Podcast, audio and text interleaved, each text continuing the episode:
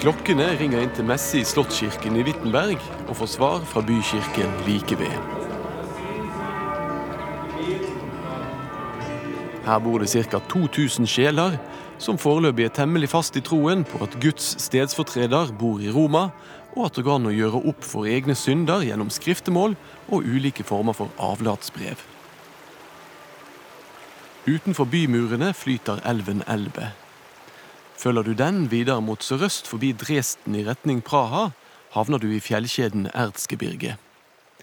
Disse fjellene er fulle av sølv og andre mineraler, som forvandles til klingende mynt i lommene til korfyrst Friedrich med tilnavnet Den vise. Vis er han blitt kalt fordi han ikke valgte å strø sin enorme rikdom på blodige kriger, nei, isteden bygger han byer. I Slottskirken har han sin samling med 19 000 relikvier, som han har samlet sammen da han var på korstog i sin ungdom. Han har flasker med melk fra jomfru Maria, strå fra krybben til Kristus og biter av skjelettene til barn som kong Herodes lot myrde. Kjøper du hele samlingen, kan du sikre deg fritak fra å brenne i skjærsilden i til sammen to millioner år.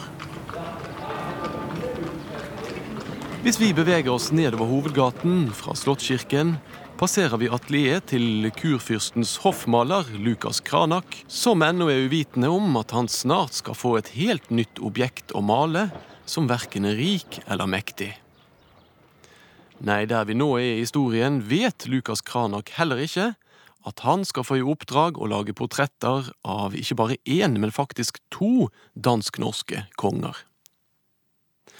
I enden av gaten, kloss opp til bymuren, ligger så det nyåpnede klosteret til Augustinaorden, også dette innviet som nok et eksempel på rikdommen til den vise kurfyrsten.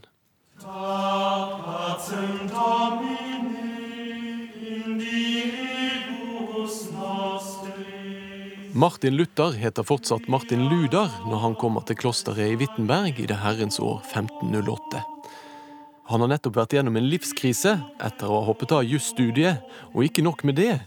Han har holdt på å stryke med av blodforgiftning etter å ha prestert å stikke seg på sitt eget sverd. Klosteret blir på denne tiden ledet av munken Johan von Staupitz. Staupitz vil at alle studentene skal lese Bibelen døgnet rundt. Den unge Ludar har all den dedikasjonen til lesingen som læreren ønsker seg. Noe uforberedt er han kanskje på hvor raskt Ludar omdanner lesningen til religionskritikk. For det Ludar oppdager, er at det ikke står noe sted at man skal kunne kjøpe seg syndenes forlatelse. Syndene våre har Jesus Kristus sonet på korset. Den eneste veien til frelse er troen på Gud.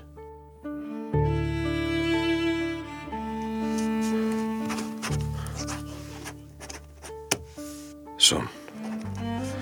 Ja, sånn må det være. Hvordan han hadde kommet frem til dette, skrev han om året før han døde, i 1545. Jeg hadde vært og var grepet av en forunderlig trang til å forstå Paulus i romerbrevet. Det som hittil hadde stått i veien for meg, var ikke hjertets kulde, men et eneste ord i første kapittel. Guds rettferdighet åpenbares i evangeliet. Jeg hatet uttrykket Guds rettferdighet. For gjennom alle de lærdes bruk av det var jeg oppdratt til å forstå det i filosofisk betydning, som nesten alle kirkens lærere gjør. Men hvor meget jeg enn levde som en ulastelig munk, følte jeg meg dog overfor Gud som en synder med en meget urolig samvittighet. Jeg kunne ikke tro på at Gud var forsonet ved mine gode gjerninger. Således slet jeg med en vill og forvirret samvittighet. Men ikke desto mindre banket jeg på hos Paulus i romerbrevet. Jeg tørstet etter å vite hva Paulus mente. Og så, endelig, mens jeg grublet over dette dag og natt, fikk jeg ved Guds barmhjertighet øye på ordenes sammenheng. Det sto i første romerbrev kapittel 17. For i evangeliet åpenbares Guds rettferdighet av tro til tro. Som det står skrevet, den rettferdige skal leve av tro.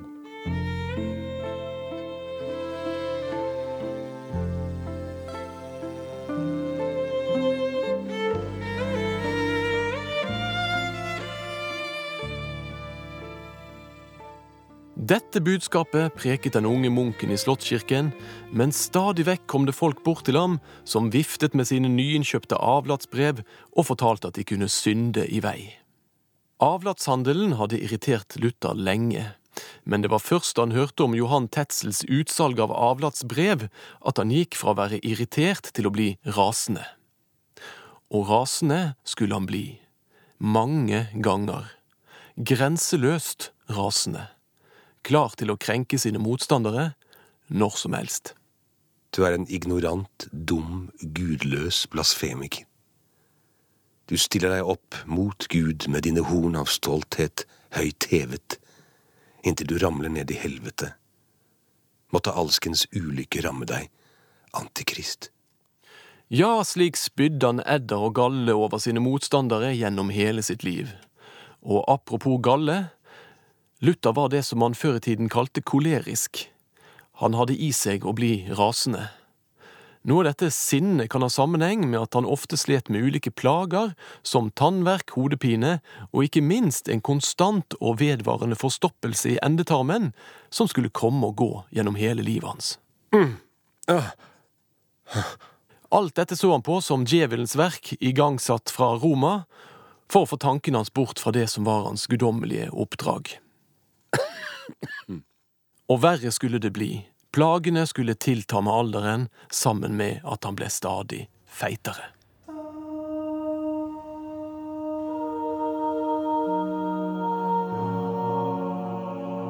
Men i oktober 1517 er han en ung, nyansatt professor i Den hellige skrift ved universitetet i Wittenberg, og ennå ikke helt fasttømret i sine meninger. Han har ennå ikke helt bestemt seg for at paven i Roma er sponset av Satan, så derfor forsøker han i første omgang å gå tjenestevei når han skal fortelle om alt som er vondt og galt. Fortsatt tror han at han skal kunne klare å få den katolske kirken, som han jo selv er en del av, til å se det han har sett. Ideen om alt det han mente måtte bli annerledes, formulerte han i form av 95 teser på latin, et utgangspunkt for akademisk samtale som ikke var uvanlig på denne tiden. Disse la han så ved som et vedlegg i et brev han skrev til erkebiskopen i Mainz og biskopen Hieronymus i Brandenburg. Høflig i tonen, foreløpig. Jesus, nåde og Guds barmhjertighet og alt hva han kan og er. Herre Kristi Far og den høybårne kurfyrsten må tilgi meg for at jeg, en enkel mann av folket har en sånn frimodighet at jeg våger å stile et brev til dem, ærede høyhet. Men jeg har så lenge, og det kan min Herre Jesus Kristus bevitne, skjøvet på det jeg nå skal fortelle. Etter flere høflige ord og vendinger i samme stilen kommer han så til poenget. Det pågår i vårt land under deres beskyttelse kjøp og salg av avlat til inntekt for byggingen av Peterkirken i Roma. Hva som var problemet med det, gjorde han klart og tydelig greie for i tese nummer 35. De er ikke ordentlig kristne, de som sier at det går an å kjøpe seg et avlatsbrev, og på den måten kjøpe seg ut av skjærsilden.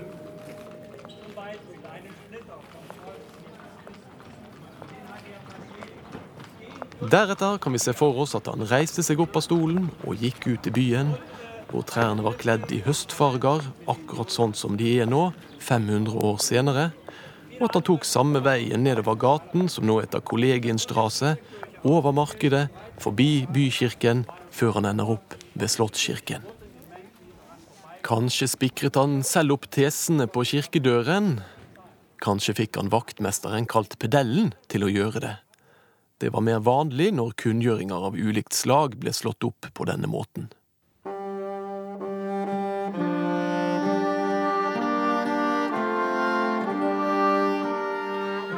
Han hadde begynt å finne tonen, og snart skulle han utfolde seg som datidens store debattkonge. Han skulle reise til Leipzig og til Augsburg og disputere mot pavens folk, helt trygg i det han hadde funnet ut, og med et språk som bare ble slipt i hver konfrontasjon, inntil det var helt gyllengult glatt, som eggen på et nyslipt sverd. Ja, så dere er doktorer? Jeg også. Dere er lærde. Jeg også. Dere er dialektikere. Jeg også. Dere er dosenter. Jeg også. Dere er predikanter. Jeg også. Dere er filosofer. Jeg også! Dere skriver bøker. Jeg også! Og her kan jeg legge til. Jeg kan tolke salmene og profetene, det kan ikke dere. Jeg kan oversette, det kan ikke dere. Jeg kan be, det kan ikke dere. Jeg forstår dialektikken og filosofien deres bedre enn dere selv, og skjønner dessuten at ingen av dere kan Aristoteles. Etter at Luther hadde postlagt brevet og fått tesen opp på kirkedøren, tok han turen til det lokale trykkeriet, kanskje var det det som lå i første etasje i Augustinaklosteret, og fikk dem til å lage et plakattrykk av de 95 tesene. Når helvete nå først skulle bryte løs i det hellige romerske riket, så skulle det også jammen skje i alle moderne medier. Svaret fra Roma la vente på seg, men ble som forventet. I juni 1520 utsteder pave Leo den tiende et trusselbrev der det står at Luther vil bli lyst i bann dersom han ikke innen 60 dager trekker tilbake sine standpunkter. Det betyr i så fall at han er fritt vilt. Innenfor fyrstedømmet Saksen står han fortsatt under Fredrik den vises beskyttelse. Men beveger han seg utenfor fyrstedømmets grenser, kan han drepes av hvem det skulle være, uten at dette får konsekvenser. Han hadde gitt opp enhver tanke om å reformere pavekirken i Roma, men det er fortsatt én mann han ønsker å overbevise. Keiseren av det tysk-romerske riket, som strekker seg fra den iberiske halvøyen i vest til Bøhmen i øst. Karl 5. var kronet året før til keiser, og han skulle la seg hylle under riksdagen i Worms, hvor alle keiserrikets fyrster og hertuger samt pavens utsendinger ville være til stede.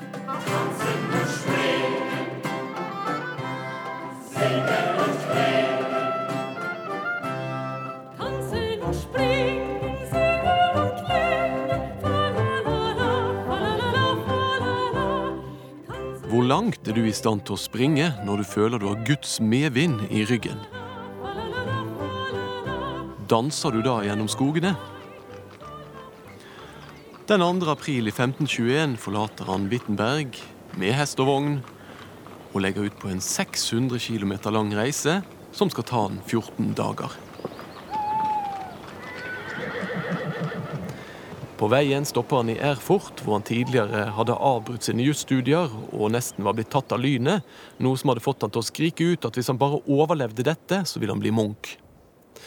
Når han nå kommer tilbake som reformatorisk superkjendis, holder han flammende prekener, som er oppildnet av at han høsten før hadde gitt ut tre av sine viktigste bøker. Skriftet til den kristne adel, om kirkens babylonske fangenskap og om den kristne frihet. Der hadde han egentlig skisset opp hele den reformasjonen som også skulle hjemsøke oss 20 år senere.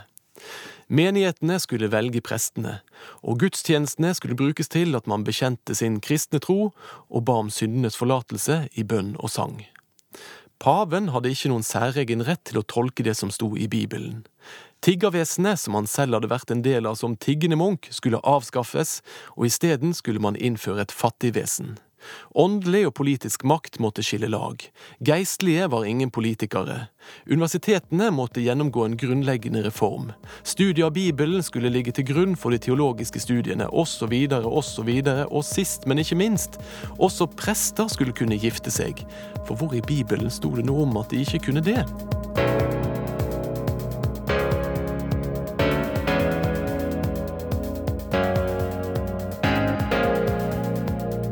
Da han møtte på riksdagen i Worms, var Luther svak og på defensiven da han skulle forsvare sine synspunkter den første dagen. Men den andre dagen satte han fyr på i alle fall deler av forsamlingen. I midten av det hele sto 19 år gamle Karl 5. med en helt annen agenda enn den skråsikre professormunken fra Wittenberg.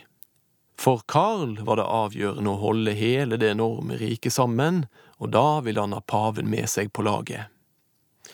Karl lyste Luther i akt, som det het, og dermed hadde enhver rett til å drepe han uten rettslige konsekvenser. Men Karl hadde også lovet Luther og hans følge fritt leide tur-retur fyrstedømme Saksen, hvor Luther jo sto under Fredrik den vises beskyttelse.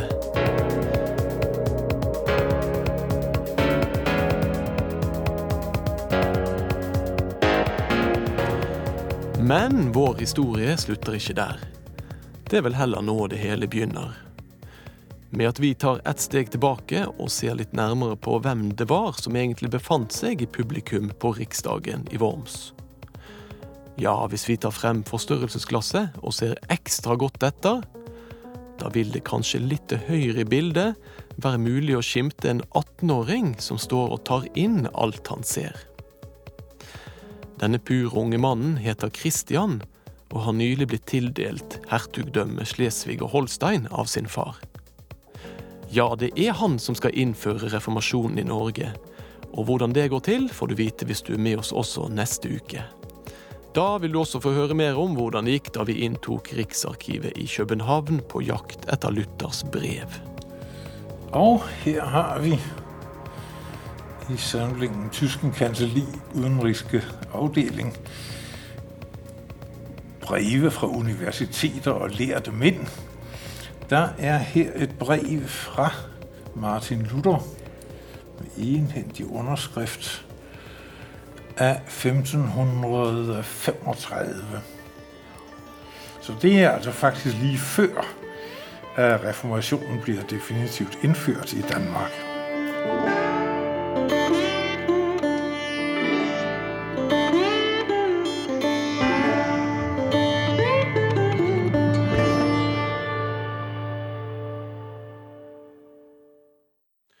Da er vi tilbake igjen i studio, og skal jo følge denne fortellingen videre til København. Men eh, vi har ikke lyst til å slippe Luther helt, for det, vi kan jo ikke la han forsvinne helt ut av historien, for det skjer jo så mye mer med denne mannen før reformasjonen kommer til Norge. Og Øystein Sandvik, du undersøker forholdet mellom Luther og kirkemusikk. For det er jo et slags nytt kapittel i eh, kirkemusikken. Og da skal vi til en annen by i Saksen, som kanskje ikke så mange kjenner, nemlig Torgau. Torgau, ja. Det er jo en by eh, som Altså en, en, liten by som hadde en veldig sentral betydning for uh, reformasjonen.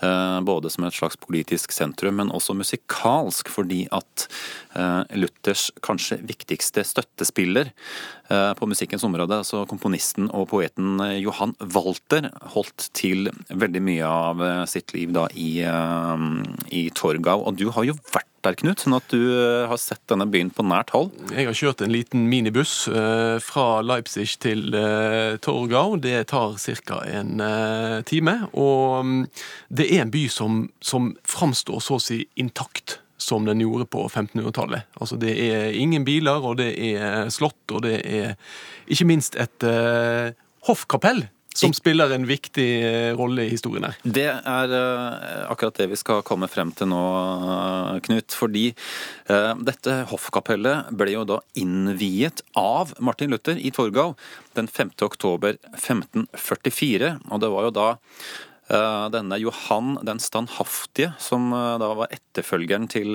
Fredrik den vise, som, som var kurfyrste da og holdt hoff der. Han ble kalt den standhaftige fordi han nektet å frasi seg sin lutherske tro da han satt i, i, fengsel.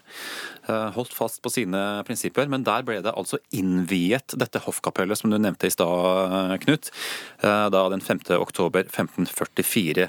Og musikk Musikken til denne anledningen var komponert av uh, Johan Walter. Det er en motett som heter Beati Immaculati in Via. Uh, av Johan Walter, altså. Og, det er et typisk eksempel på den type komposisjonsteknikker som de brukte denne gangen, hvor de la forskjellige tekster i forskjellige lag. For her har du en veldig sånn repetitiv bassstemme som vi hører tydelig når vi skal høre dette, som da hyller Luther og Philip Melanchthon, altså en annen sentral åndshøvding Eh, på denne tiden. Ja, en, altså en, en, eh, det var kanskje på en måte Luthers høyre hånd. Ja. Utrolig viktig i den nære kretsen hans. Og med han til eh, på flere av disse her store disputasene som han, som han var, var med på tidligere i livet. Ja, så de, de, de to ble, ble, jo da tydeligvis betrakta som et tospann, siden da denne bassen driver og hyller, uh, hyller disse to uh, tvers gjennom hele denne komposisjonen. Så er det da en altstemme som da uh, sier de nødvendige pene ord om Johan den standhaftige, og så er det da den øvrige teksten som er henta fra Salme 119. Eh, og dette skal vi høre fra en ny innspilling. for nå, nå, altså, I og med at det er Luther-jubileum i år, så kommer det veldig mye plater. Blant annet så er det da det tyske vokalensemblet um, Kalmus Ensemble som har gitt ut to veldig fine plater uh, nylig. Og, vi, og, denne finner vi da på den ene av, uh, av dem. Og vi skal høre denne motetten. Eh, og eh, prøve å forestille oss hvordan det var å sitte da i dette hoffkapellet den eh, høstdagen 5. oktober 1544. Jeg ser for meg det var litt sånn gråvær den dagen, men inne i hoffkapellet så var det flott og opplyst, og der sto koret til Johan Walter der framme og sang denne komposisjonen. Kanskje låt det litt sånn som dette her. Vive Lotere, vive Melanchthon, vive l'utile, vive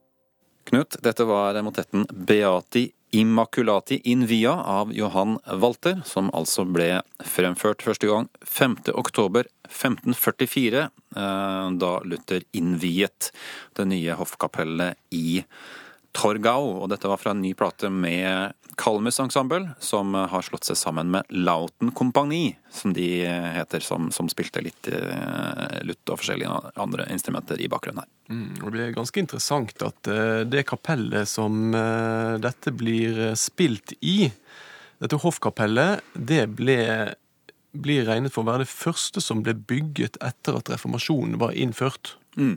Så det er på en måte den første bygningen som på en måte representerer reformasjonen i, eh, i Tyskland.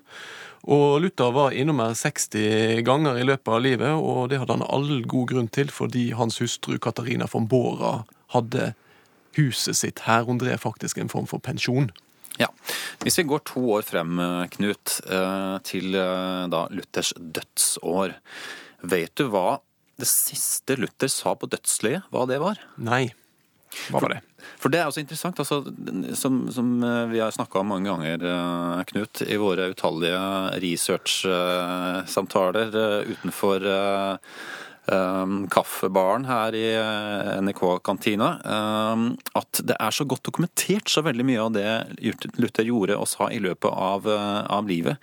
Um, ifølge, um, ifølge, noen kilder, da, i hvert fall, eller sentrale kilder, så skal det, hans siste ord ha vært, på latin faktisk, in manus tuas domine commendo spiritum meum redemisti deus veritatis. Altså, i dine hender Herre, overgir jeg min sjel.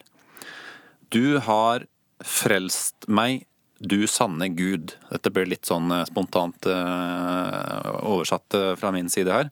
Men det som er interessant, er at dette ble ganske raskt brukt i en annen komposisjon, som vi nå skal høre av en komponist som heter Kaspar Otmeier. Litt mer perifer i Luther-kretsen, men en veldig sentral skikkelse innenfor da, den reformerte kirkemusikken, han også. Han skrev en motett som, eh, som heter Mein himmlischer Vater, hvor han da bruker den Luther-teksten, altså Mein himmlischer Vater, men han fletter da inn i tenorstemmen, så bruker han da denne latinske disse to latinske setningene som skal da ha vært det siste som eh, Luther sa på dødsleiet. Eh, og dette er nylig kommet ut på en annen ny plate, som har kommet i forbindelse med Luther-jubileet med vokalensemblet Vox Luminis. Så la oss høre dette nå. Mein himmelske fater av Kaspar Othmeier.